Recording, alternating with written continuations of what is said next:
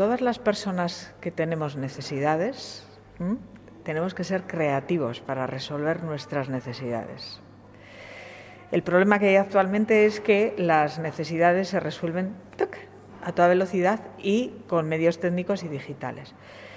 Aquí en la escuela, desde el reposo, tienes que resolver un problema, un ejercicio que te pone un profesor y ahí empiezas a, ser creativo. Y cuando creas, haces arte.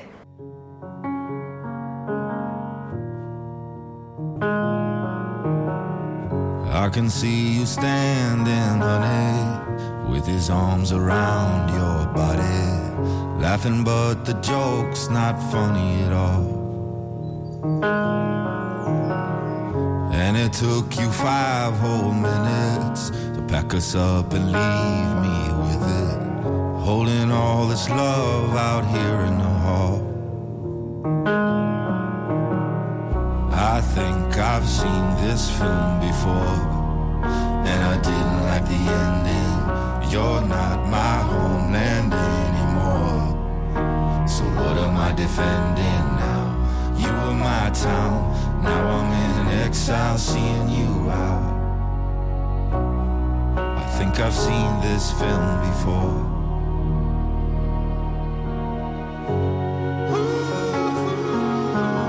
Seres y estares. Un retrato de la sociedad anónima con Merche Guillén. Captar momentos, colarnos en la rutina de cualquier persona, mirar con curiosidad a través de una mirilla es lo que nos gusta hacer en este espacio en el que retratamos a esa sociedad anónima que también merece unos minutos de radio. Muchos seres en este reportaje de diferentes edades con un único estar, que es su pasión por las artes. Merche Guillén, y te has puesto a abrir eh, puertas sin parar en esa escuela de artes y oficios. Es que hay tantas, además hay tantas puertas. Eh, y en cada una una sorpresa. Eso es, en cada una una sorpresa y en cada una un grupo de personas eh, con, con, un único objetivo, dejarse llevar por, por la creatividad. ¿no? Hoy nos queremos centrar precisa, precisamente en eso, en la importancia, en el valor de crear, de cultivar disciplinas artísticas y los beneficios que reportan, no solo a nivel individual, sino también, bueno, pues como sociedad, ¿no? Ahí está la cultura como alimento del pensamiento crítico, ¿no? Alimenta el espíritu. Eso es, la expresión plástica nos permite identificar, reconocer, comunicar ideas, sentimientos, experiencias. Fíjate porque activa y actualiza no solo nuestros sentidos de la vista y del tacto, sino también nuestro olfato, nuestro oído. Las diversas manifestaciones plásticas nos unen eh, emocionalmente y, nos unen a nuestro entorno de vida, a nuestra historia pasada y a nuestros anhelos futuros. Y así construimos cultura, construimos multicultura, intercultura. Bueno, pues en Gasteiz tenemos un oasis de creación cultural popular en el que cada día se alimenta esa creatividad. Hablamos de la Escuela de Artes y Oficios. Y lo explicaba muy bien Elizabeth Palacios, la directora de, la escuela, en este eh, audio que hemos escuchado. Cuando creas haces arte y a ella tu cerebro se coloca en otro plano. ¿no? Además es una, muchas veces una vía de escape, una vía de, expresar lo que tienes dentro. Así es, así es. Bueno, esta escuela hay que decir que eh, en un primer momento eh, se, creó como escuela de dibujo en 1774, eh, va a cumplir 250 años enseguida. esa creatividad puede, con, con los achaques de un edificio, pues bueno, lo que decimos, con casi 250 años, que fue, fue fundada esta escuela de dibujos por la Real Sociedad Vascongada de Amigos del País, cuyo primer director fue Xavier María de Munive e Iriáquez, décimo conde de Peña Florida, de ahí el, nombre, de, la, plaza. ahí está. Bueno, pues eh, se fundó para formar a profesionales para la fábrica de naipes Fournier eh, y bueno, en la actualidad en este curso 2020-2021 acoge a más de 900 personas en sus clases de pintura, fotografía, cerámica, talla de madera, marroquinería, encuadernación, dibujo, cine digital, arte joven, entre otras muchas disciplinas. Pues sí que había puertas que abrir.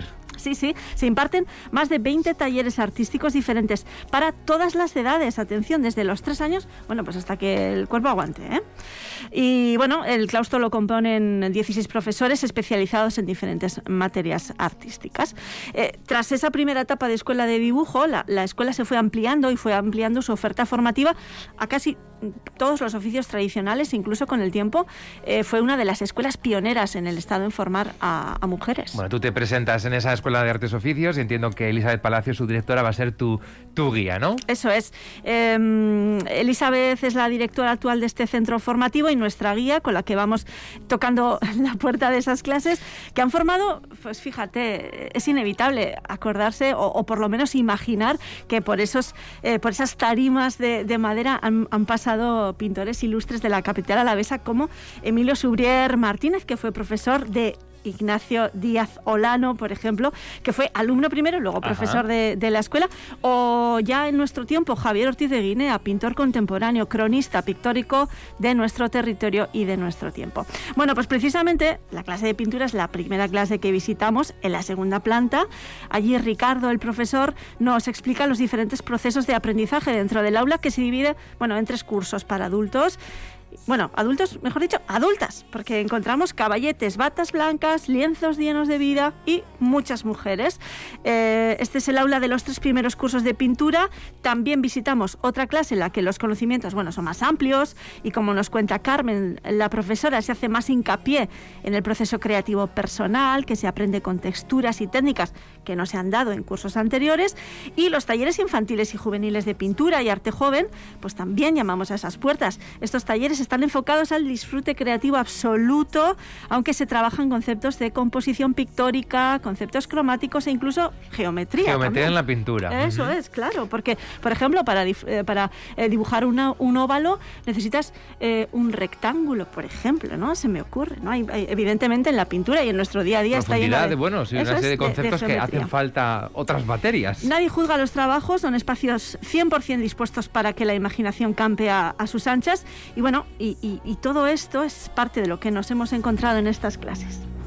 Lo que intentamos en este taller de pintura es eh, em, eh, un proceso creativo, pero partiendo de técnicas de dibujo. Por ejemplo, los de primero, que son esta zona de aquí, están a partir de unas formas abstractas, eh, pintando con colores primarios, secundarios, quebrados y que es la mezcla entre ellos y luego eh, los grises que resultan de todos esos tonos.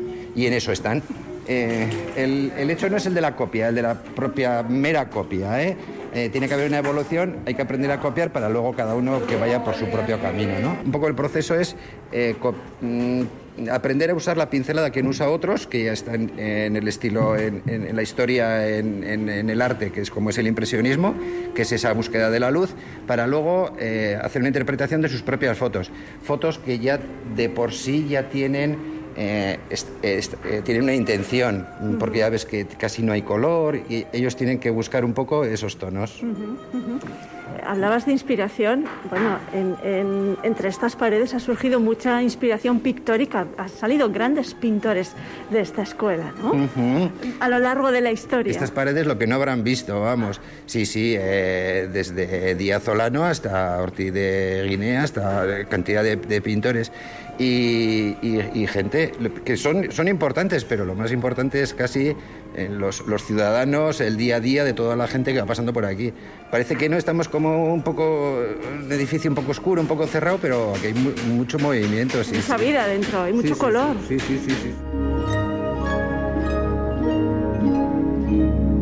Pilar, ¿ya sabes en qué pared vas a colgar esto? No, no, porque no sé si lo querrán mis hijos. Bueno, pues, pues en tu casa también. En mi, casa. No sé si tengo tiempo, sitio ya. ¿eh? Lo tengo todo ocupado, pero bueno, lo pensaré. Claro, ¿cuánto tiempo llevas pintando? Pues cuatro años ahora. Y más. Sí, pero bueno, estuve hace 15 años o eso, estuve otros cuatro. ¿Qué te aporta a ti la pintura? Ay, me, me aporta que me olvido del mundo. me olvido de todos los problemas y salgo de casa y también a veces me preocupa lo que no me sale bien, por ejemplo, ahora. ¿eh? Los retos. Los retos, exacto. Y cuando me sale bien, bueno, pues me pongo como una gallina cureca, ¿sabes? sí. Eh, pero necesito mejorar tanto. ¿eh? Bueno, pero estoy, estoy a gusto porque, pues eso, me obliga a salir, me motiva y me gusta además.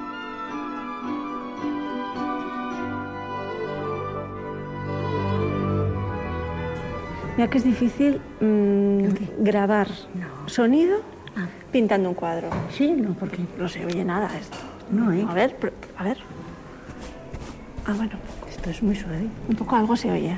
¿Cómo podríamos definir este cuadro para el que lo esté escuchando? está. Un- un- aparte de la Sí, técnica, pues, la- pues la- podría ser un, mira, podría ser un, un paisaje, sin más, porque esto podrían ser unas paisaje flores, abstracto, un paisaje ¿no? abstracto, podrían ser unas casas, eh, unas habitaciones ahí al fondo.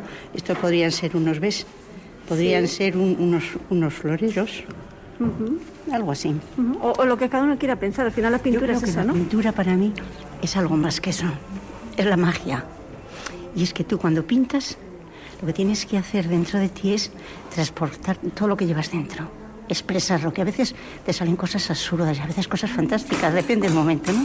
Entonces, lo bonito de eso es que la gente mire, que disfrute de la mancha, del paisaje, de lo que ellos quieran y que vean lo que quieran, que lo imaginen, que eso es lo interesante.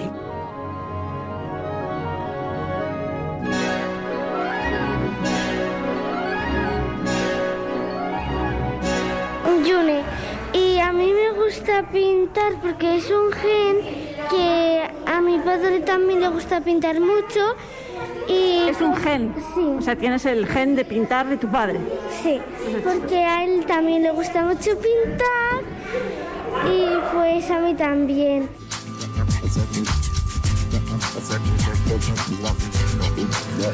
Oye, qué suerte, ¿no? Que tiene ese gen. Yo nunca, no- nunca lo tuve, ¿no? No, no, no sé si hay que, que Las hay con suerte, cultivarlo, ¿eh? sí, las hay con suerte como Yune, que Oye, tiene el gen. El gen. Una escuela muy intergeneracional. No hemos visto desde, desde esta Yune eh, que Sí, nace con ese gen hasta casos de personas muy mayores, ¿no?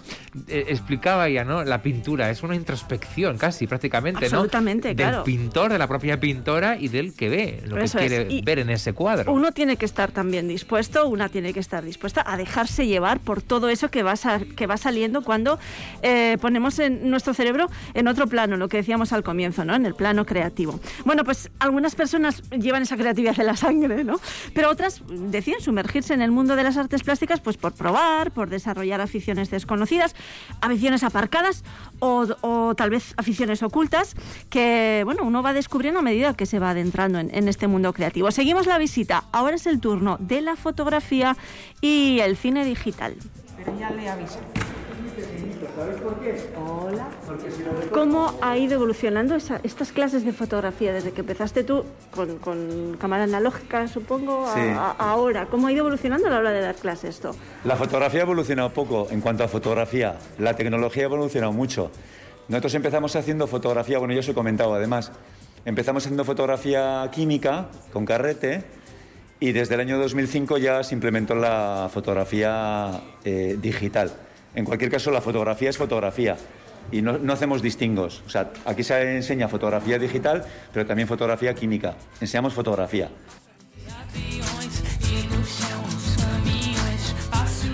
¿Qué te ha animado a, a empezar un conocimiento más profundo de la fotografía? Pues siempre me gusta mucho hacer fotos y si encima puedes aprender a hacerlas bien y a revelarlas y a jugar con las fotos, muy Lo- bien. Lo malo de esto es que luego en toda la, fa- la familia todo el mundo te pide hacer fotos, todo el No les mundo. haces caso porque les dices, no estoy aprendiendo a hacer fotos, estoy aprendiendo a revelar fotos, por ahora. Bueno, cuéntame, en tu caso, ¿qué, qué te ha traído a las clases de Coldo? Ah, pues a mí me ha traído que a mí siempre me ha gustado mucho hacer fotos, pero no tenía así conocimientos técnicos, digamos, y demás. Y una amiga que está aquí en la escuela me recomendó y aquí estoy, y muy contento. Tú eres muy joven, tú seguro que no has visto un carrete, un, un revelado con líquidos, un, ¿no? ¿O qué? Está muy bien lo que engaña la mascarilla. Es un pillo, joven. Sí, es muy joven. 26. Sí, sí, conozco esos temas. ¿Sí? Sí. Yo me acuerdo, Coldo, cuando dábamos fotografía en la universidad y nos metíamos en aquel cuarto oscuro, la dificultad de enganchar el, el carrete ¿no? y la girarlo en la espiral aquella, bueno, era dificultoso, pero tenía algo de magia, algo que eso ya con el Photoshop, pues mira, me vas a perdonar, pero se ha perdido un poco, ¿no? Sí, bueno, pero ya nos tocará también a nosotros. De hecho, estaba muy bien porque tienes que estar completamente a oscuras, entonces se generan ciertas conversaciones pues que son, pues eso, no estar completamente a oscuras intentando introducir en una espiral una película, pues claro, la gente habla en voz alta. Y bueno, sonríes. Yo alguna vez he grabado las conversaciones, igual este año también lo hago con vosotros. Cuando estemos en el laboratorio introduciendo la película en la espiral, pondré una grabadora Pues para que luego oigáis lo que decís cuando intentáis hacer eso. Bueno, avísame que vendré también. Bueno, no os molesto más. Venga, muchas gracias. Bueno, Gracias. Gracias, Coldo. Agur,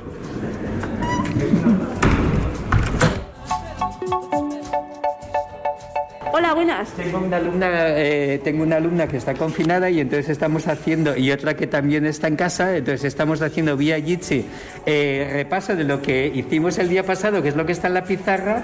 Un grupo edita aquí y aquí al lado están los otros dos grupos editando. Vale. Que no me entero en qué clase estoy, me lo puedo imaginar, pero necesito que me lo cuentes tú. Cine digital, el primer grupo de cine digital. Editando lo más alejados que podemos, dividiéndonos en grupos y, y con eh, parte del alumnado que no está, no está infectado, pero sí que está confinado por contacto y utilizando Jitsi, por ejemplo, como todo el mundo, ¿no? Estas herramientas ya son para nosotros como el día a día, ¿no? Hola. Hola, chicas. Oye, ¿qué tal las clases con Juan? Muy bien. Yo estoy encantada, por lo menos. Bien, bien, muy bien, muy bien. Ahora pregúntale a Juan qué tal con nosotros. Faltan mucho a clase, faltan mucho.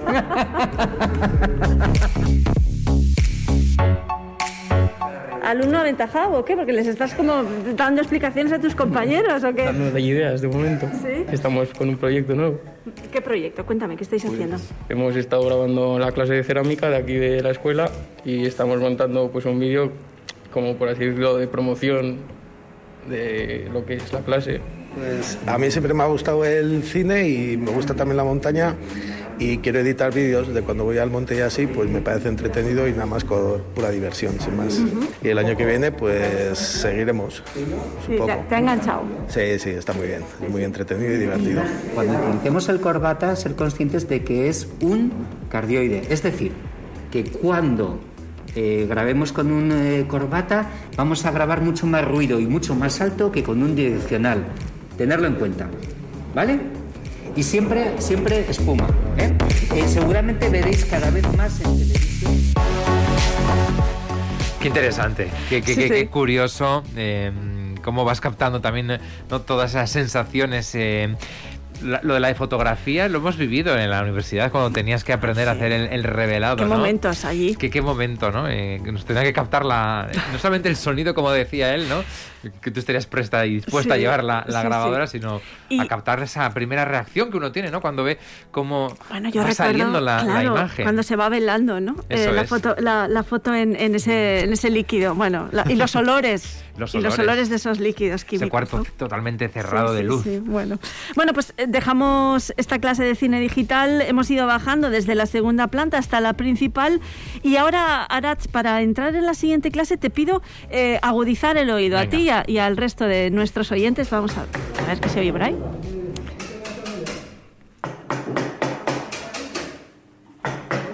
Sugiere esto? Madera. ¿Madera? Esto me sugiere madera y- Pues- y, y me trae muchos recuerdos, ¿eh? ¿Sí? De muchas cosas que tengo yo de madera, de un tío mío que, bueno, está en la Escuela de Artes y Oficios. Ah, mira. Tengo un adorno en mi mesa aquí en Radio Vitoria, tallada, tallado mi nombre en madera. Claro, tengo un entonces- lauburu con un honguitorri en la puerta de casa. Entonces, Tengo buenos claro, recuerdos de la eh, madera, mi abuelo era carpintero, se llamaba Bueno, José. bueno, ¿Qué- bueno. ¿Qué, más te puedo contar de la, de, de la carpintería? Claro, entonces esos sonidos te son absolutamente familiares. Absolutamente. Las recuerdan herramientas. Al taller, eh, al taller de, Sí. de un tío mío también en La Guardia, que era carpintero. Pues. Bueno, pues la madera te rodea, ¿eh? por lo que veo, ¿no? sí, sí, sí. Bueno, pues efectivamente estamos en la, en la clase de talla de madera y allí nos encontramos a Eva, la, la profesora, dándole unas pautas a una de las alumnas, la única mujer del taller. Y pegamos en las dos partes. Yo creo que nos da para esta zona alta y para esto poquito también podríamos. Más grosor en esta parte que es lo que... Eh, ¿Se le va más? La- lo más ondulante, ¿no? Carolina, vengo de las plantas superiores eh, en las que predominan las mujeres. Sí. Y me encuentro que la talla de madera eres la única mujer que hay aquí. En este momento y en este turno de la semana estoy yo sola, sí. Sí, sí. Qué curioso, ¿por qué? Es muy curioso. Mm, Pues no, yo también no me explico, ¿no? Porque, no sé, es una disciplina, quizás sea porque se necesita fuerza la- o las mujeres. Es una disciplina, no sé, o más... Sí, bueno. ¿Cuánto tiempo llevas trabajando la madera? Ocho años. Sí, bastante. Claro, ahora entiendo, ahora entiendo el proyecto. La dificultad. Claro, porque he visto este proyecto, ¿cómo lo podemos describir para alguien que, que nos está escuchando?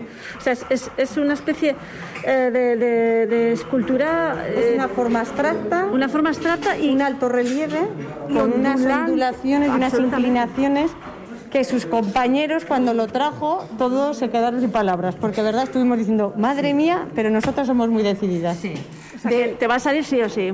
Sí, sí, sí. Yo, bueno, lo que hasta el momento lo que me he propuesto me ha salido. Igual no con el resultado previo que crees, ¿no?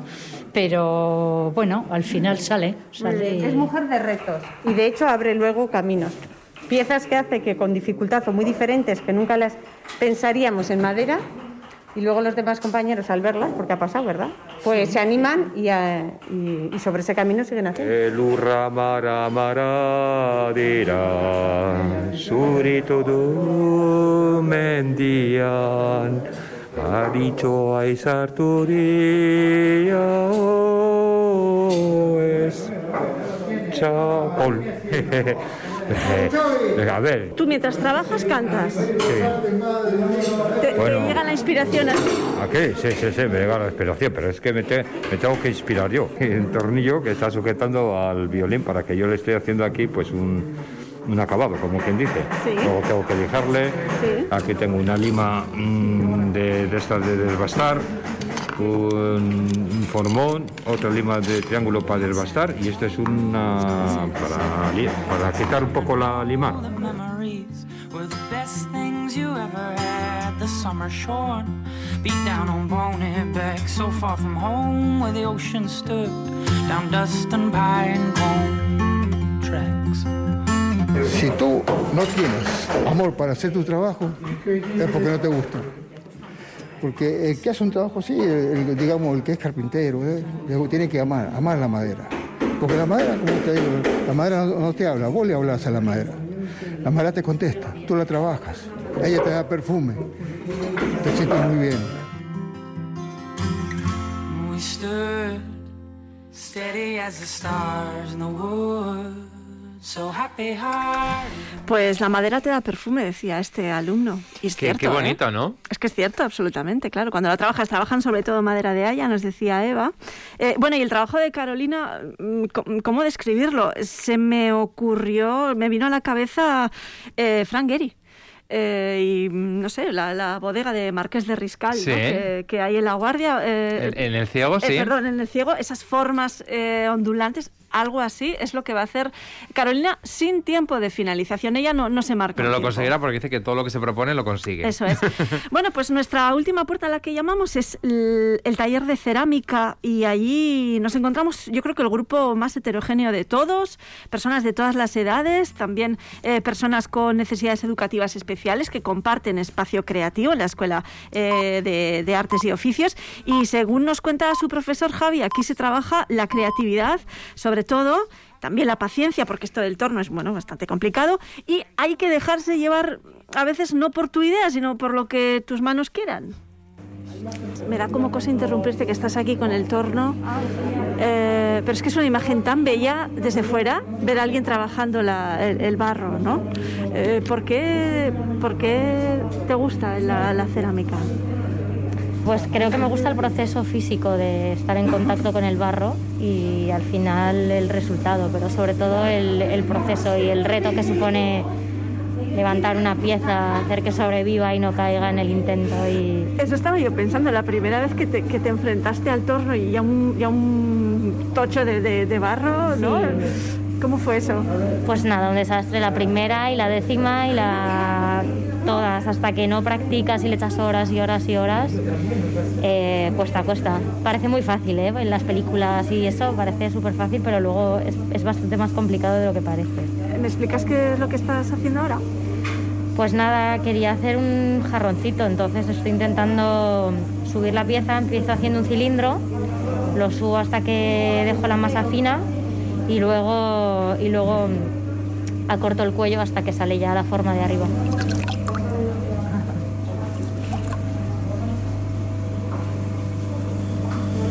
Trabajamos con arcillas y pues de lo que se trata es de conocer en un principio eh, pues el proceso de la cerámica, los diferentes materiales, las diferentes herramientas y las diferentes técnicas para construir diferentes tipos de piezas y realizar una serie de muestras para decidir cómo vamos a acabar y a decorar las piezas o los trabajos que elaboramos. Buenas, me han dicho que venga donde ti. Por algo será. Sí, por algo, por algo. que haces cosas muy bonitas. Y bueno, lo- estoy viendo esto, ¿eh? Oh, pues yo acabo de empezar este año y este lo he hecho con churros, que es así la técnica como más fácil. ¿Cómo churros? Una base y churros de arcilla. Churros, Ah, como los los que hacíamos con plastilina ¿Y y, los los vas vas juntando? uniendo. Ah, vale. Y lo he hecho así. ¿Te ha salido eso? Sí, me ha salido eso. Ahí no veo ni un churro, ¿eh? No veo ninguna Ah, pero ya está todo alisado. Vale, ¿y Y este lo hice en el torno, que en el torno no tenía experiencia de nada en el torno, entonces me está resultando un poco complicado. Bueno, y luego le, le hice un vaciado así de unas hojitas como de, de, no sé, de olivo si quieres, y ahora pues lo estaba esmaltando. Le da una base de este color, de jaspe mate, y luego un poquito de verde por encima.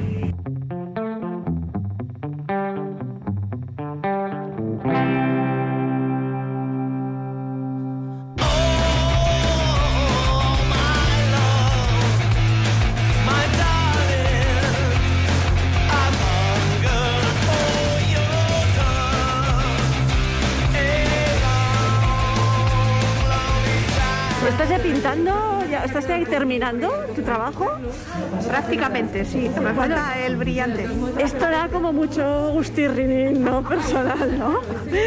Pues no te creas, ¿eh? a mí lo de pintar últimamente me está saturando, pero bien. Bien, bien. pero digo, eh, ¿no? La satisfacción de decir, bueno, he hecho el trabajo, eh, ¿no? He, hecho, he, he conseguido hacer la forma que yo quería, ¿no? Es que yo soy muy principiante, entonces a veces no es lo que quieres, sino lo que va saliendo.